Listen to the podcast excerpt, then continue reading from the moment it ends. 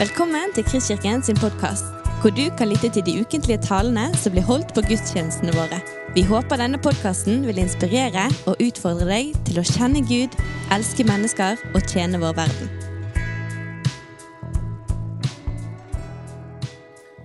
Du, La meg forbinde litt sånn eh, halvlystig her med å si at en av de litt sånn interessante fruktene eh, av det å eh, være far til tre barn på henholdsvis ett, tre og fem år, det er det at jeg får mye nærkontakt med min egen synd. Og da tenker jeg ikke først og fremst på korte lunter, spurveskyting med kanon og eh, andre dårlige valg i oppdragelsen, selv om jeg kunne ha delt om det òg. Men jeg har lyst til å gå inn en litt uvanlig dør i dag. Det har seg nemlig sånn at synd jeg observerer i mine barn, kaster lys over synd i mitt eget liv. Det er ransakende, det er smertelig, men jeg har lyst til å si at det er spennende og verdifullt for en som ønsker på sin livsreise å få bli mer lik Jesus. Og I dag skal det handle om synd og nåde, om mørke og lys, om død og liv. Om hvordan Jesus ønsker å vinne skikkelse, vinne terreng i våre liv mer og mer. Og hvordan akkurat dette er dette fellesskapets dypeste bønn og anliggende. Min kone Elisabeth, eh, min kone Elisabeth og jeg vi, vi, takker ofte for våre tre barn. Jeg har lyst til å bare innlede med å si det før vi ruller av gårde her. Sant? Vi liker de kjempegodt. Sant? Store gaver fra Gud. Men vi har etter hvert funnet ut at ikke vi er gitt tre helgener. Det har vi fått nærkontakt med. Eh, min Nei, min Mer! Mer, pappa! Jeg sa jo mer! Du får ikke komme i bursdagen min hvis ikke du gir meg den lille diamanten nå. Jeg først! Hun kniper meg, pappa. Hun fikk mer enn meg. Og så videre. Livet i en småbarnsheim er ikke bare dansing på roseblader. Du vet, Ganske mange som får besøk av vår lille klan, syns det er herlig og friskt. Og man bruker gjerne ord som, som skjønt. Sant? Eh, ja, det er det. Det skjedde senest denne uken her, hvor eh, våre to eh, jenter på tre og fem de løp inn eh, hjemme hos farmor og farfar, som sitter her. Og, og farmor hun utbryter det er som om våren er kommet inn i huset. Og ja da, vi kan identifisere oss med det. Det er sant. Det er òg flere ting som er sant.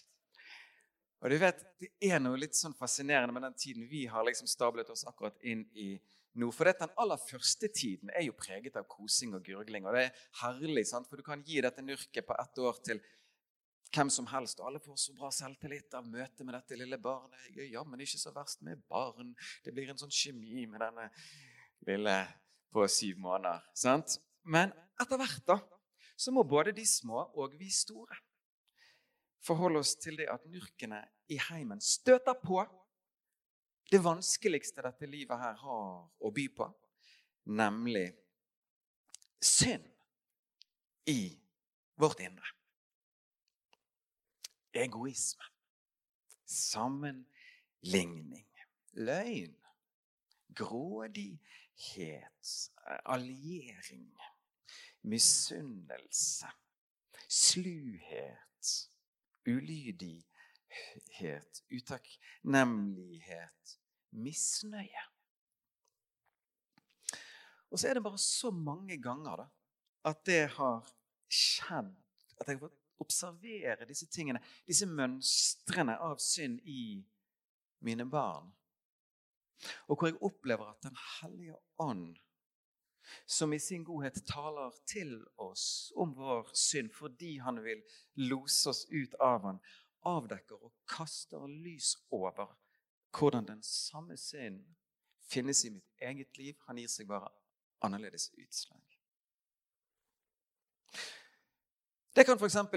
skje når jeg som den gode far gir mine barn en skål med is. Det skulle være en koselig stund. Og nesten før de skålene er på bordet, så sammenlignes gavene. Hvem av oss fikk mest? Og idet jeg spør om en liten smak av det jeg har kjøpt inn og laget til og hadde i hendene for bare ti sekunder siden, så går nok ikke det å gi litt av dette, for det er jo mitt. Det er blitt mitt. Idet isen er svelgt ned i rekordfart, så er det gjerne et ønske om mer, mer. I møte med et nei så er plutselig en koselig stund forvandlet til en stund med en opplevelse av uttak. Rart hvordan det skjedde. For oss voksne så er gjerne disse samme mønstrene til stede, men mer tildekket. da. To stykker blir forfremmet på jobben. Hvem ble mest forfremmet? Hvem fikk mest topping på isen? Er det rom for at Gud får ha et ord med i laget i denne nye jobben han akkurat har gitt deg.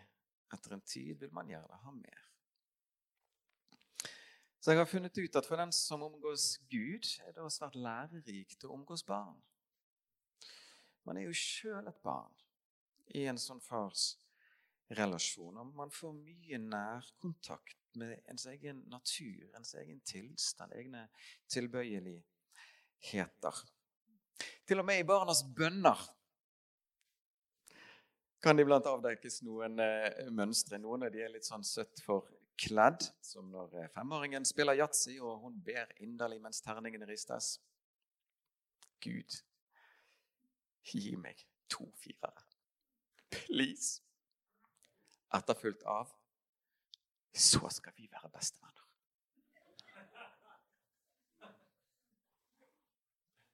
litt røft oversatt til voksnes verden. Gud, hvis du gjør som jeg vil, så får du min kjærlighet.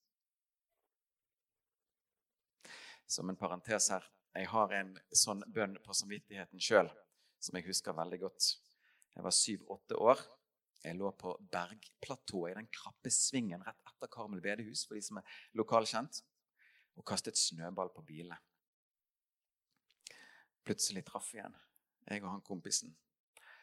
Og vi ble så redd for den bilen bråbremset. Og jeg husker jeg løp bakover på det platået. Jeg la meg langstrakk ned på marken og sa, 'Gud, hjelper du oss fra dette, så skal jeg bli munk.'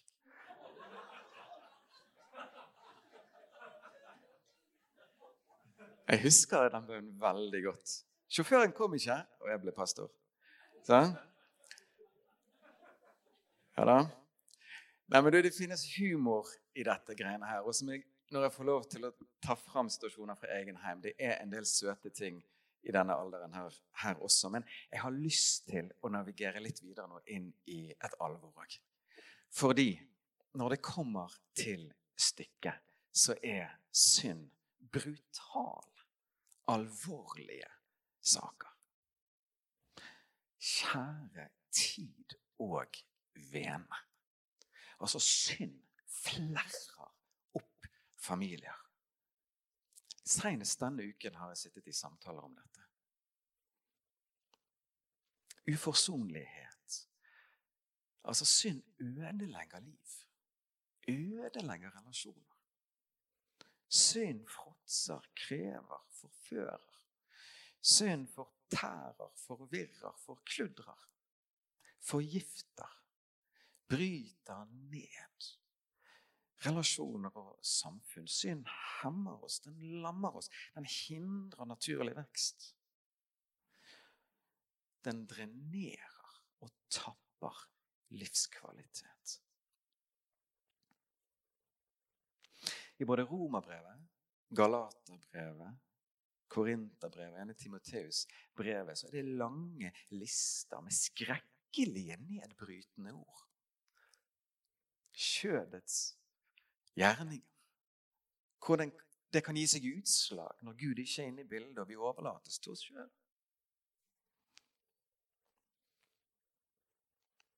Synd er roten til veldig mye rot. Og problemet, da, det er jo det at dette med synd er sterke ting. Dette med synd er sterke saker. Hebrebrevets forfatter setter oss litt på sporet av dette her når han snakker om denne synd som henger så fast ved oss. Du hører jo at det er noen som ikke vil dette her. Vil ha det av, vil ha det vekk. Vi slites, vi rives, vi plages. Men det er sterke ting. På ulike måter så får synd festepunkter, gripetak, i våre liv. Paulus utbryter på et tidspunkt til sine venner i Rom i nærkontakt med sin egen natur og tilstand. Det er bare nesten sånn Elendige greier! Hvem skal fri meg fra dette? Veldig klar over sin egen tilstand. Så er vårt store problem at vi klarer jo ikke å hamle opp med det. Uansett hvor mange kirurgiske inngrep eller operasjoner vi hadde utsatt oss for for å prøve å skrape ut vår synd, så får vi den ikke ut. Finnes det en redning? Finnes det et håp? Finnes det en hjelp til denne menneskeheten? Og jeg tror ikke at det er helt tilfeldig at i julefortellingen så står det om at gjeterne var på nattevakt når det kraftige lyset kom midt i mørket. Så slo det inn et lys, og engelen roper ut dette budskapet til menneskeslekten. Jeg forkynner dere en stor glede. En glede for alt folket. I dag er det født dere en frelser.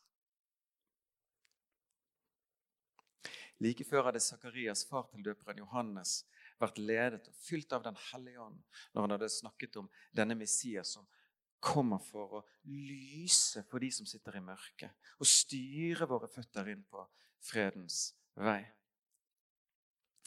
Engelen som hadde oppsøkt Josef, Marias mann, hadde sagt dette, at denne gutten skal frelse sitt folk fra deres synder.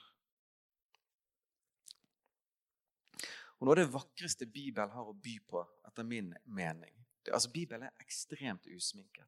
Maler opp ganske dystre, brutale bilder til tider. Men så finnes det to ord som av og til står ved siden av hverandre, og som endrer alt. Det kommer veldig tydelig fram i Efesene 2.1-10 for de som har lyst til å lese det. Men det males opp av Vi er i kjempetrøbbel. Men så kommer det der lille ordparet. Men Gud. Men Gud, som er rik på miskunn, har på grunn av Men Gud, den sterke, den sterkere, kommer oss til hjelp i møte med vårt aller største problem. Han frelser oss fra syndens skyld. Vi gis forlatelse. Men ikke nok med det. Han frelser oss fra syndens makt. Han leder oss inn i en fornyelse, en forvandling av livet. Igjen Paulus til sine venner i Rom. Han vil likedanne oss med sin sønns bilde. Og det er her Paulus, sitt, den samme Paulus i sitt brev til vennene i Galatia bruker denne vidunderlige, unike formuleringen at Kristus skal få vinne skikkelse i oss. Vi hører at det er en forvandling som kan få finne sted pga. at han kom. Døperen Johannes er kjent for dette utsagnet 'Han skal vokse, jeg skal avta'. Det er nok der sagt om tjeneste, posisjon, synlighet for en som hadde liksom sto i rampelyset. Men hører man nerven og hjertet og åren her? Så er det helt nydelig. Mer rom for Kristus i vår verden. Og resultatet av at Kristus får, mer rom og får vinne skikkelse? Jo, det er sånne ting som forlengelse av lunte. Mer syn for andre. Misnøye byttes ut med takknemlighet. Det rastløse erstattes med en indre samling. Frykt for mennesker byttes litt etter litt ut med frykt for Gud. Løgn må vike for det som er sant. Avhengighet til saker erstattes med frihet. Dette er frukter, resultater av at Kristus vinner skikkelse i våre liv. Kan du tenke deg hvordan et hjem, en familie, en arbeidsplass endres, forvandles over tid når dette her begynner å slå inn? Guds ånd er vidunderlig. Jeg har lyst til å si til dere, Mange flere av dere som er her inne kjenner til min historie, men jeg fikk et betydelig gjennombrudd med Jesus da jeg var 16 år. Jeg får nesten lyst til å ta i bruk, bruk ordet forvandling. Jeg husker at min bror, to år yngre enn meg, etter at jeg hadde fått et møte med Jesus. Så gikk det ikke mange ukene før han bare Hva er det som har skjedd med deg? sa han. Og en av de tingene som skjedde i mitt liv i kjølvannet av at Kristus var en skikkelse i denne kroppen her, det er at jeg begynte å behandle han ganske annerledes. Jeg husker ikke det så godt, men mine foreldre har fortalt det. At eh, det var nok en relasjon der jeg hadde mest syn for meg. En annen direkte frukt av mitt møte med Jesus det var at jeg fikk en trang som 16-åring til å ikke fylle sinnet mitt med søppel, men holde tankelivet mitt rent og innviet for Gud. En tredje ting det var at jeg fikk en trang til å betale tilbake til de enkeltpersoner og butikker jeg hadde stjålet masse fra i mine tidlige ungdomsår. Det var en lang liste, det. Og det var mye penger å skulle betale tilbake. Et sted et firesifret beløp. Ganske mye for en 16 år gammel gutt. Og det ble òg veldig mye interessante samtaler, eller møter med mennesker ut den turen der. Men en forvandling begynte å finne sted. I sommer så hadde jeg gleden av å eh, gå i fjellet ved noen anledninger. Og det er så fascinerende hvordan eh, vann over tid kan forme fjell. Altså, Vi har å gjøre med knallhard materie. Knallhard masse. Men utsettes det over lengre tid for rene vann, så gir det etter. Fjellet har møtt det som over tid er sterkere. Og på samme måte er det med våre si, indre landskap. Dette kuperte og i en del tilfeller knallharde. Når Guds ånd fyller dette landskapet, så begynner en formingsprosess. Noen endringer går fort. Andre saker sitter gjerne dypere og går saktere. Men det skjer en forming. Og det som er, da, det er det at den som i det skjulte overgir seg til en sånn formingsprosess, vil etter hvert ikke kunne skjule resultatet. For eh, landskapet begynner å vitne om Guds ånd. Kanskje er ikke landskapet like kantete som det var tidligere. det fjell som virket så stort, høyreist og stolt, røper nå en formbarhet.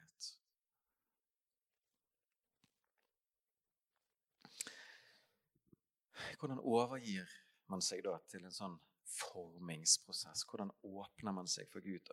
Her finnes det nok veldig mye god veiledning og mange svar. Men vi sang akkurat nå her i sted. Sannhetsånd, vis oss klart hva som hindrer ditt verk. Vis oss synden, så vi ser at den er vår.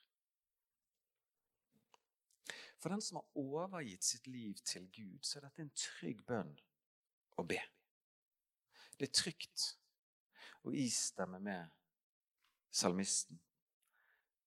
Ransak meg, Gud, og kjenn mitt hjerte. Prøv meg og kjenn mine mangfoldige tanker. Se om jeg er på fortapelsens vei, og led meg på evighetens vei. Når sånne bønner som dette her bes, kjære venner, da for å si det litt enkelt og folkelig, da er vi inne på noe. Du vet, Etterfølgelse av Jesus Kristus er ikke en hermelek. Hermeleken er gøy en liten stund. Dette handler ikke om iherdig etteraping.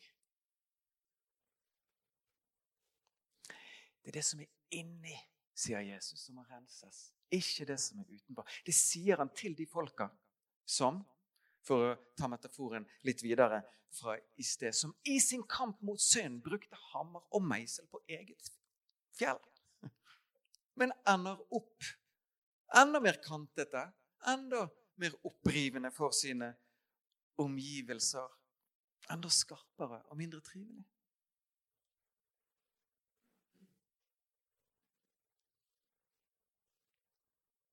Derfor handler etterfølgelse, disippelskap, det handler om ydmyk erkjennelse og åpenhet for Gud. Vi ser kraftige konturer av dette i møte med to, de to av de tolv Jesu venner vi får følge lengst på livsreisen gjennom Bibelen. Peter og Johannes. Johannes ble kalt tordensønn. Alt tyder på at grunnen til det var fordi mannen hadde et raseriproblem. Gjennom et langt liv blir mannen totalt oppmyket, oppsmeltet og formet. I dag kjenner vi Johannes som kjærlighetens apostel. Synd hadde måttet vike for noe som var sterkere i det livet. Dette ble også historien til Peter. Denne rå, oppfarende, freidige fiskeren. Så leser de to brevene i slutten av Nye testamentet han har forfattet. For en varme, for et hjerte. Synd i hans liv hadde måttet vike for det som var sterkere. Og jeg syns det er fint og godt da, på begynnelsen av et semester som forsamling og fellesskap å sette ord på det. At sånn type forvandling som dette, sånn type transformasjon, forvandling av liv, det er det vi i Kristkirken drømmer aller mest om og sikter aller mest mot.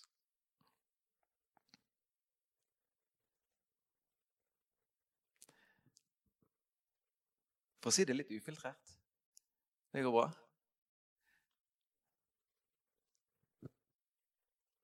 Vi er ikke en del av byens eh, servicenæring her. Der vi som er liksom kulturell aktør i dette samfunnet tilpasser oss trender og tilbyr varer, slik som gudstjenester og konfirmasjon og begravelse, dåp og bryllup. Vi holder på med noe helt annet. Vi holder på med etterfølgelse av Jesus Kristus. Vi er et reisefølge. Vi er et lag. Vi er en kropp med en felles lengsel. Mer av Gud i våre liv og i vår verden. Som et av mange svar på denne bønnen vi akkurat hadde oppe her Ransak med Gud og kjenn mitt hjerte. Prøv meg og kjenn mine mangfoldige tanker. Som et av mange svar på denne bønnen i oss, så kommer høstens taleserie om de såkalte sendebrevene som en gave. Budskapene er spesifikt gitt, men de har vist seg å tale til troende i alle år. Troende som er åpen for å høre hva Ånden sier til sine. Og kanskje en av de tingene vi virkelig der vil se, er at det som virkelig ligger på Den hellige ånds hjerte, må Kristus få vinne skikkelse i dere, hos dere, mer og mer. Men bildet pyntes ikke på i det hele tatt. Det er veldig tydelig tale fra Gud. Men vi hører forskjell på en som fordømmer, og en som avdekker. Det er en veldig forskjell på en fordømmelse og på en som avdekker det som er der. På det og det feltet er du, dere, blitt formet. Bra! På det og det feltet er dere vevet sammen med synd. Der må det få skje en omvendelse til livet. Og vet du hva? En som i oppriktighet vandrer med Gud, ønsker velkommen sånn tale fra Gud. Så jeg tror dette skal få bli en spennende høst. En ransakende høst på ulike måter, der vi åpner oss for Gud til å tale inn i våre liv. Til slutt her. På denne Betlehemsmarken så ble det altså utropet, utropt dette. Jeg forkynner dere en glede, en glede for alt folket. Mange ganger har jeg reflektert over akkurat det. Her kommer denne engelen. Jeg mener, En milliard forskjellige ting kunne vært sagt. Det er akkurat dette som blir sagt. Og hvordan kan det sies at en glede for alt folket, når vi òg vet at veldig mange ikke oppsøker denne frelseren. Ikke alt folket kommer til lyset, men det vi vet, da, det er at Gud har hjerte for alt folket. Alt folket. Han vil berøre, berike, betjene, befri denne menneskeslekten som rives og slites da, av disse vanskelige tingene. Enten disse menneskene oppsøker han eller ikke. Og der er det du og jeg kommer inn i bildet på en helt nydelig måte. Dere er verdens lys, sa Jesus til sine venner. I slutten av Markus så står det at disse vennene de gikk ut og forkynte overalt. Overalt. De fikk gå i Jesu fotspor, i Jesu ånd, og gjøre ende på djevelens gjerninger. Og akkurat sånn som dette er det ment at vi skal kunne forbringe bringe ord om korset inn i andres låste verden, uansett deres relasjon til Gud. Gud, jeg har lyst til å avslutte med å be. Jeg har lyst til å takke deg og ære deg for at du er større enn vårt største problem. Du er større enn vårt største problem. Takk at du kom og tok bort sin skyld. Takk at du kom og grep inn i møtet med syndens makt. Jeg har lyst til å be for alle som sitter her inne nå, eller hører denne talen på ulike måter. Jeg har lyst til å be om at vi dette semesteret skal få erfare alle sammen på ulike måter at du vinner skikkelse i våre liv. At du vinner terreng, at du blir større i oss og større for oss.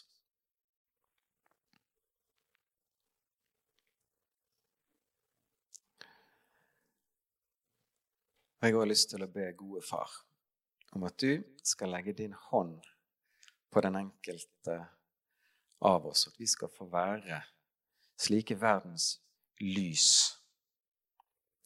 som får lov til å leve i din ånd og gjøre dine gjerninger. Der vi får være med og gjøre ende på djevelens gjerninger. La oss få vokse og formes mye fremover. Det ber vi om, far, i Jesu navn. Du har lyttet til en podkast fra Kristkirken i Bergen. Vi håper du har blitt inspirert og utfordret i din vandring med Gud. Vil du vite mer om oss, så klikk deg inn på kristkirken.no.